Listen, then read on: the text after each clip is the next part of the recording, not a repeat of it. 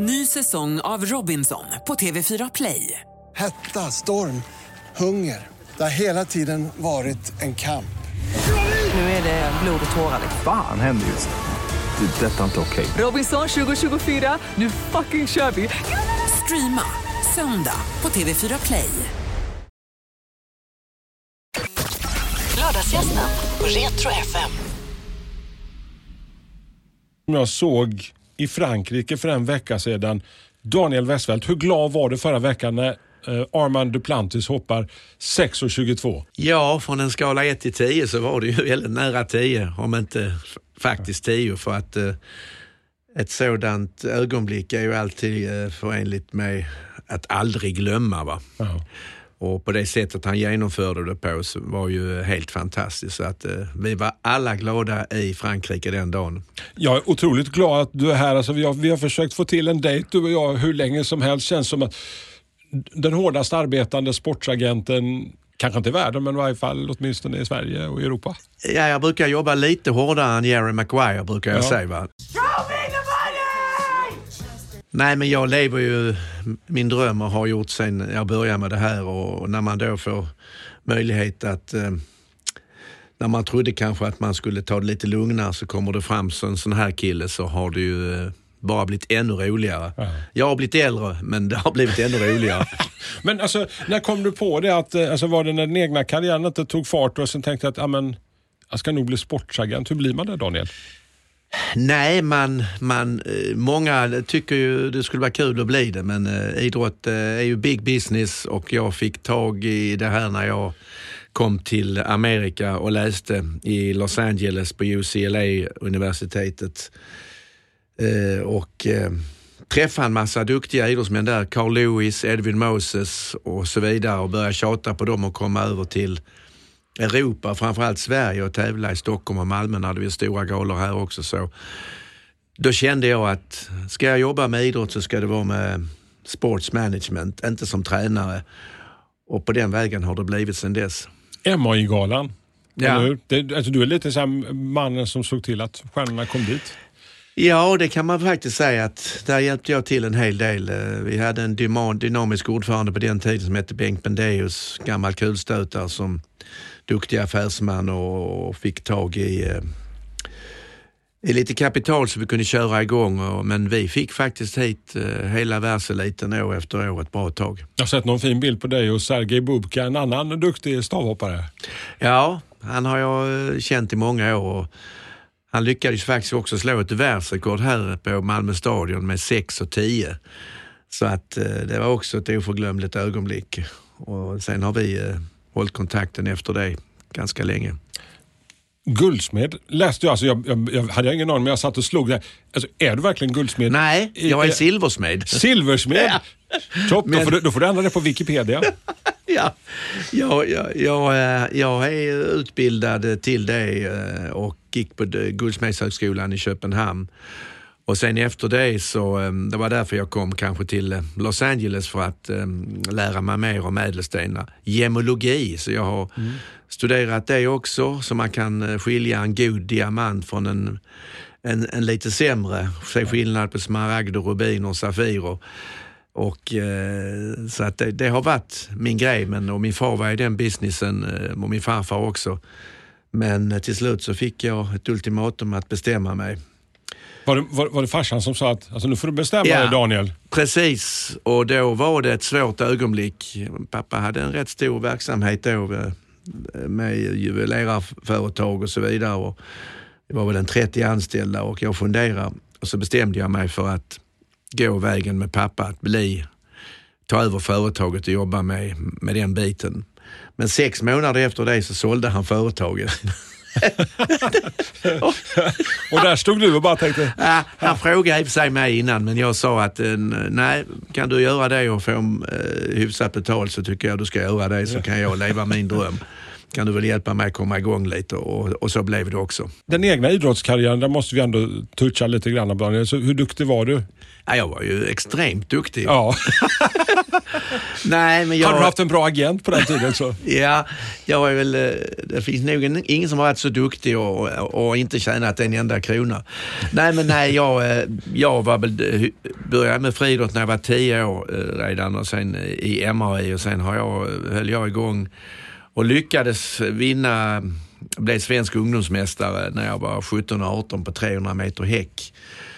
Så att eh, en ungdomslandskamp eh, fick, blev det och sen så eh, tog utvecklingen liksom stopp lite. Som den gör för många. Va? Och eh, redan då kände jag att jag eh, vill, eh, jag hade social kompetens och tyckte om att prata med folk och ville utforska saker i, i hela världen. Så då, då, jag ändå, höll ändå på en natt till jag var 30 år, va? men det var ju sammanhållningen i klubben och åka på träningsläger och träffa kompisar som för mig var det roliga då. Jag visste att jag aldrig skulle bli någon internationell stjärna. Men är det inte just det, alltså jag, jag har två, två döttrar som har eh, hållit på med friidrott och, och, och borta, i, borta i Lomma. Och där är ju inte världsstjärnorna, men det är som du säger, den här gemen, jag ser ju den varje gång jag höll på att lämna dem på, på träningar och sånt. Alltså gemenskapen. Någonstans liksom passionerade människor som eh, ledare som håller på.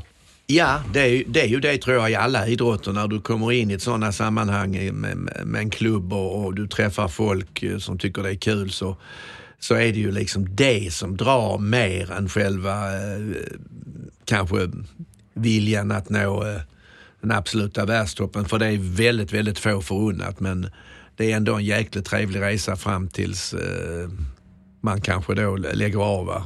Jag, jag ångrar inte en sekund av alla de timmar jag har lagt på idrottsplatser och så vidare och även varit funktionär och, och sådana saker. Det har varit Om du tittar Daniel på de som, som du har haft eh, genom åren i ditt stall och som du har i ditt stall. Alltså, kan, man, kan man säga någon gemensam nämnare? De som tar sig igenom det där nyckelhålet från klubbidrotten upp på elitsatsningen. Vad som eh, utmärker dem? Ja, alltså det är ju... Dels, du måste ju ha en talang va. Det är början. Men sen är det ju då den mentala styrkan, alltså huvudet liksom. Har man inte det med sig, då hjälper inte talangen. Har man bara mentala styrkan och inte talangen, då, då funkar det inte riktigt heller. Så det, det är två saker som måste liksom funka va. Och ehm, den första stora stjärnan jag hade som slog, med, slog igenom, det var ju Patrik Sjöberg. Och han hade ju både talang och mental styrka och, ehm, och då blir det ju bra. va. Och sen har det ju gått i strilström med de andra svenskarna som har kommit efter det med Stefan Holm och Kajsa Bergqvist och Christian Olsson och Susanna Kall och så alla väldigt Alltså, du, talangfulla. du, det- du, du har liksom en, om man läser svensk friidrottshistoria så är det att titta på ditt CV. Liksom, där stjärnorna som de senaste 30 åren Ja, nu förbi. talar vi ändå bara om de svenska. Det Ja. har ju varit en del andra också eh, som Eh, Jelena Isenbajeva som fortfarande har världsrekordet i damernas stavhopp på 5.06. Så att, eh, nej det har varit en resa och, det har, och, och sen har det varit många in between där också som kanske inte nådde lika högt va, men ändå var i världseliten. Så att eh, man har fått eh, vara med om mycket och, och träffat många. Och, Men är det bara friidrottsstjärnor? Simstjärnor har jag sett. Du har ju Sara Sjöström i ditt, i ditt stall också. Ja, nej, det har varit en till som jag inte trodde någonsin jag skulle få lov att eller komma in i den branschen. Det var faktiskt boxaren Arman Kranch. Hoppla! Det ringde den journalist från Kvällsposten som hette Kent Hansson och som jag kände och, sa, kan du inte hjälpa Arman Kranch? Nej du, boxning, eh, det är, det, är, det är en bransch som är väldigt speciell. Och eh, han fortsatte, fortsatte och kan du inte träffa honom åtminstone? Så, så träffade vi Arman, jag och min kollega Stina och världens snällaste kille så vi, vi kunde ju inte låta bli utan sa Han är ju ja. död mysig. Ja, nej, vi, det var helt enormt. Va? Och, ehm, men eh, sen blev det väl lite overkligt när telefonen ringde en gång och sa att There is a call from Don Kings office. Mr King like to speak to you. Då trodde jag att det var någon som skämtade. Va? Men så var det verkligen då. Eh, Det var ju när Arman var som bäst och skulle gå eh, VM-matcher och så att de ville undersöka möjligheten att han skulle komma med i det stallet eller gå matcher i USA. Så att eh, Då gav jag in i mig någonting som jag trodde jag liksom aldrig skulle komma ur, men vi kom faktiskt ur det rätt lyckligt till slut. Va? Och, eh, men, men branschen, som sagt, väldigt speciell. Indy 500. Vi säger Marcus Eriksson. Ja, det är också något nytt va. Eh, För jag blev lite förvånad när jag såg på, på, på eran, eh, eran lista över klienter Ja. som du och Stina har. Nej, det är väl det senaste tillskottet och då ska vi hjälpa Marcus med hans eh, mediehantering och hans eh, person, eh, alltså, hans egna sponsorer kanske i, i just Sverige för att vi har ingenting med bilen, bilen och stallet att göra, det sköts i USA. Men de engagemang han kan tänkas dra nytta av eh, när han väl är i Sverige. Har du varit och sett Indy 500 någon gång Daniel? Nej, jag har bara sett det på TV men eh, jag kanske ska eh, åka över och kika nu någon gång. Det är ju Kanske få snart. chans att dricka mjölk tillsammans med Marcus. Så. Ja, faktiskt. Jag gillar mjölk men jag Ja, dricker ja. inte så mycket själv nu för tiden för man blir, det är bättre att dricka vatten säger de. Ny säsong av Robinson på TV4 Play. Hetta, storm, hunger. Det har hela tiden varit en kamp. Nu är det blod och tårar. liksom. Fan händer just nu.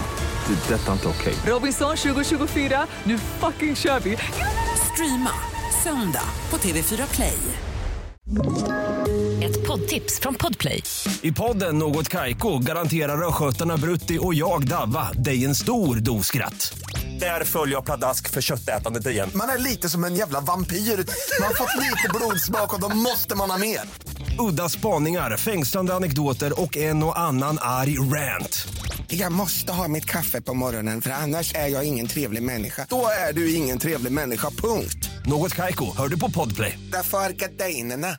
En helt vanlig dag i ditt jobb, finns det en helt vanlig dag Daniel? Nej, det kanske det inte finns. Jag, eh, jag, eh, ja, jag bodde ju utomlands i ganska många år. Jag bodde 11 år i Monaco och sen flyttade jag hem till Sverige och är bosatt i Falsterbo och har mitt kontor här inne i Malmö Arena. Samma byggnad som ni sitter i förresten, fast ett par trappor upp bara. Så att eh, en vanlig dag när jag är hemma så åker jag in till kontoret så, så sitter vi här och, och håller på och förbereder grejer som ska ske runt om i världen för, för, för alla våra klienter.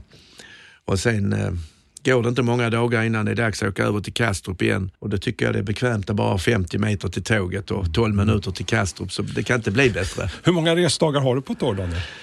Ja, det är mellan 200 och 220 om man räknar så. Har du sånt superduper bonuskort på alla flygbolagen eller? Nej, men jag, är, eh, jag har eh, den högsta statusen man kan få på Lufthansa med fyra stjärnor, så de står upp när jag checkar in. Ja, ja. Nej, inte riktigt, men, nej, men eh, det blev så, så det är ju eh, faktiskt, eh, eh, det har jag. Det blir så pass mycket så att eh, det har jag samlat ihop genom åren. Vi pratar mycket om de här eh, världsstjärnorna liksom från eh, början där med Carl Lewis och Bubka och company och alla som du har haft här genom åren. Men alltså, finns det några som inte blir de där stora stjärnorna som du och Stina tar er an som sportsagenter? Ja, vi har ju folk som är i det mitt-segment som man säger, som, som behöver eh, också uppmärksamhet och vi hjälper dem att komma ut i världen och tävla. Och, och, eh, och där får man ha tålamod. Ett exempel på det är en kille som heter Andreas Almgren som har varit lite skadebenägen. Men eh, vi eh, fick möjlighet och han fick möjlighet att springa i, i Bryssel förra året och då slog han ett väldigt gammalt rekord på 5000 som Anders Gärdrud har haft och sprang på 13.00. Ett fantastiskt lopp. Så nu är han liksom med i matchen och eh, vi eh, tror att han kan göra riktigt bra ifrån sig här på VM i Budapest i sommar. Hur många klienter kan man ha? Liksom hålla vid liv fast det är många som pockar på uppmärksamheten. Det har ju varit väldigt mycket Armand här nu senaste tiden. Men alltså, hur många klienter kan ni hålla igång? Liksom? Ja, det finns ju en begränsning. Eh, vi tar knappt på oss några nya klienter idag. Va? Och det är ju klart de som är riktigt bra, de, de, de är där ju lite mer jobb att göra med, med kommersiella avtal runt omkring. Men, eh, och sen de som är de yngsta och de som är i mitten, det, det, där kanske är lite mindre att göra men för det är svårt att, att, att ha så mycket att göra då om, om det inte är så mycket kommer, kommersiellt runt omkring det. Men, men de ska ändå ut i världen och tävla. Men, så vi är väl ett 30-tal klienter utav dem är 10 i den absoluta världseliten. Om vi nu tar eh, Armand Duplantis. Vad hjälper du och Stina honom med? Liksom, alltså, vad, vad, så här, generellt, alltså, då, vi pratar om eh, galor, eh, sponsorskontrakt eller? Ja, det är ju allting, liksom hela, eh, hela biten hur, hur, hur lägga upp säsongen och, och, och han vill, sen hans mediehantering är ju, är ju där är förfrågningar varje dag att vara med i olika tv-program och då talar vi liksom inte bara Sverige utan då är det liksom, det är BBC, det är England, det är Italien, det är, det är Amerika, det är CNN och så. Va? så att, och han kan inte vara med på allt. Där måste vi göra en bedömning och där behöver han ju hjälp för att veta vad är det viktigt att vara med på, vad kan jag avstå ifrån. Va? Men där har vi ju lärt oss mycket under åren. Så att, eh. Bokar du in äh, Greg och Helena också? För jag har sett att de har ju dykt upp här nu lite pratfrågor Ja, det har vi gjort. De, när de inte har kunnat få arman så har de tyckt att det kunde vara intressant att intervjua föräldrarna och då har det blivit så. Va? Så, att, eh, så vi, vi, vi, har ju diskussioner med den aktiva och även i, med hans föräldrar hur, hur, hur det här ska se ut. Va? och vad han vill och inte vill och vilka branscher han kan stå bakom och inte stå bakom. Och sen måste ju idrott som, idrotten liksom få den, eh, det som står i fokus. Blir det för mycket annat runt omkring, det får liksom inte bli så att det påverkar hans idrottsliga resultat. Så det är en balansgång mm. som vi sköter. Och när jag säger vi så är det då min kollega, mångåriga kollega Stina Funke. Det är vi två som sitter och gör det. Hon är, sköter den mesta administrationen och jag jag är mer den eh, kanske visionären som är ute och pratar. Sen får hon eh, sopa igen de krat kratrarna jag har. Hertigen från Falsterbo. Alltså vem var det som gav det namnet, Daniel? Jag tror det var prins Albert. När jag eh, en gång sa till honom, någon sa, oh, now Daniel is coming, the king of, uh, king of mm. of Falsterbo. No, he cannot be king. There is only one king in Sweden and that's Carl Gustav. He can be the Duke. Okej. Okay. det är faktiskt en sann historia. Är det så? Ja. ja. Hur, hur, är han, den gode prins Albert? Han är mycket idrottsintresserad och mycket intresserad av friidrott. Och, uh, han är ju med uh, i uh, internationella olympiska kommittén och han har en stor del i i internationella friidrottsförbundet också. Och, och, och, vi har ju vårt eh, huvudsäte i Monaco i Monte Carlo, internationella friidrottsförbundet. Till skillnad från många andra som har det i Schweiz som Uefa och Fifa mm. och så vidare. Så att, eh, och det är inte så stort Monaco så han, han är väldigt intresserad att det ska funka bra för, för oss och så vidare. Så att eh, han följer idrotten och friidrotten väldigt nära. Vad är den märkligaste klient du har fått förfrågan som du har tackat nej till? Eller någon, någon märklig, vi nämnde att eh, Armand Crunch här som, som du fick och som du och Stina hjälpte. Men alltså så, så, någon, någon så här som du kan namedroppa? Nej, det ja, det är ju många eh, också som har varit inom, inom andra idrotter som kanske jag är begränsat kunnig i. Vi, vi hjälper individuella idrottsmän. Mm. Lagidrottare eh, som fotboll, ishockey, basketboll. Det är en helt annan eh, bransch och det krävs helt andra kontaktytor. Mm. Och är du fotbollsagent så är din huvudsakliga eh, sak att flytta en spelare från ett lag till ett annat. Sen övergår ju managementet, det mm. dagliga managementet till, eh, till fotbollsklubben. Mm. Då, då eh, är inte agenten med så mycket utan eh, men i en individuell idrottare så är det ju varje dag nya beslut. Va? Om någon sitter ute och tänker att ja, jag skulle kanske bli ett sportsagent. Jag, jag har hört Daniel här, jag har sett Jerry Maguire.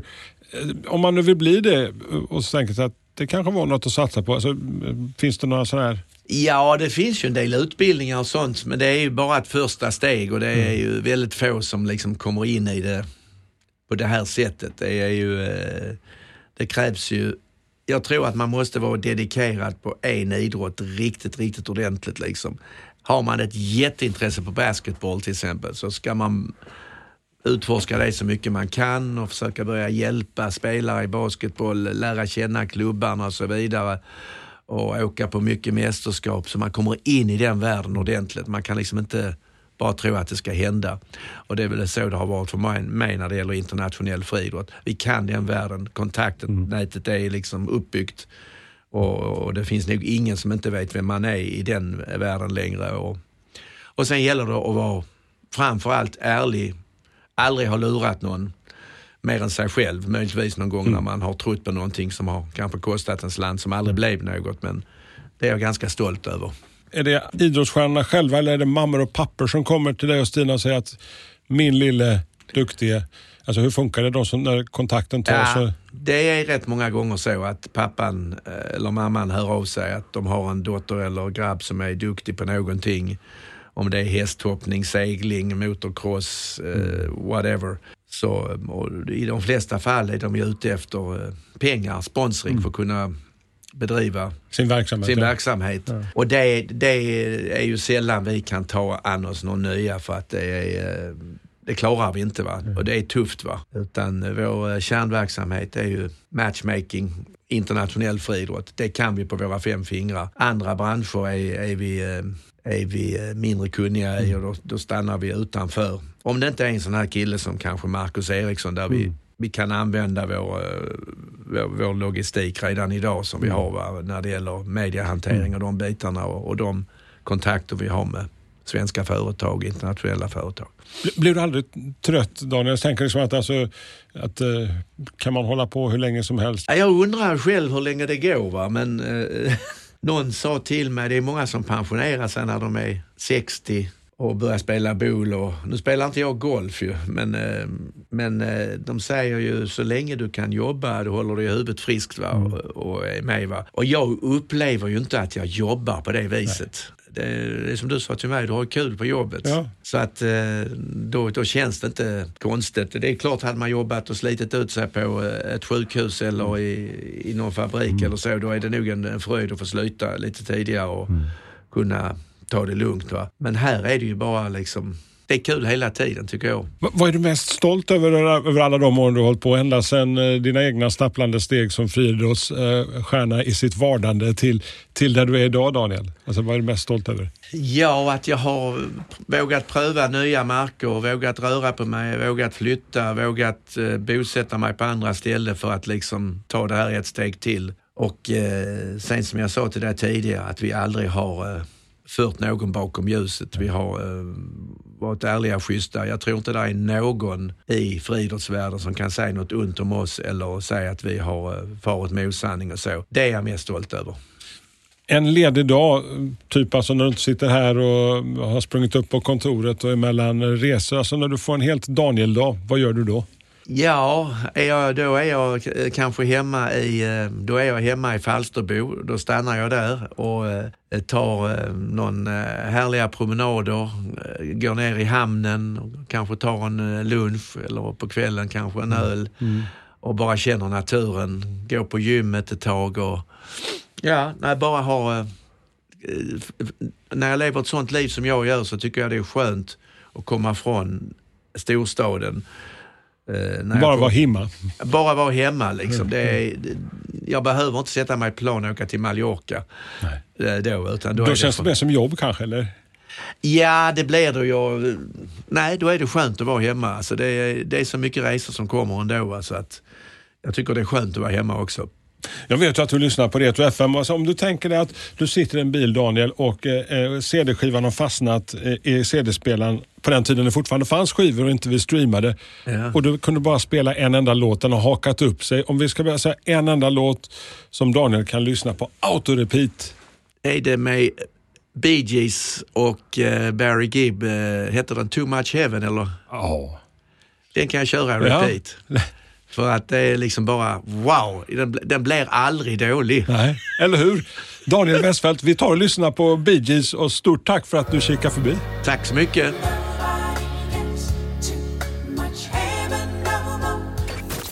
Lördagsgästen på Retro FM.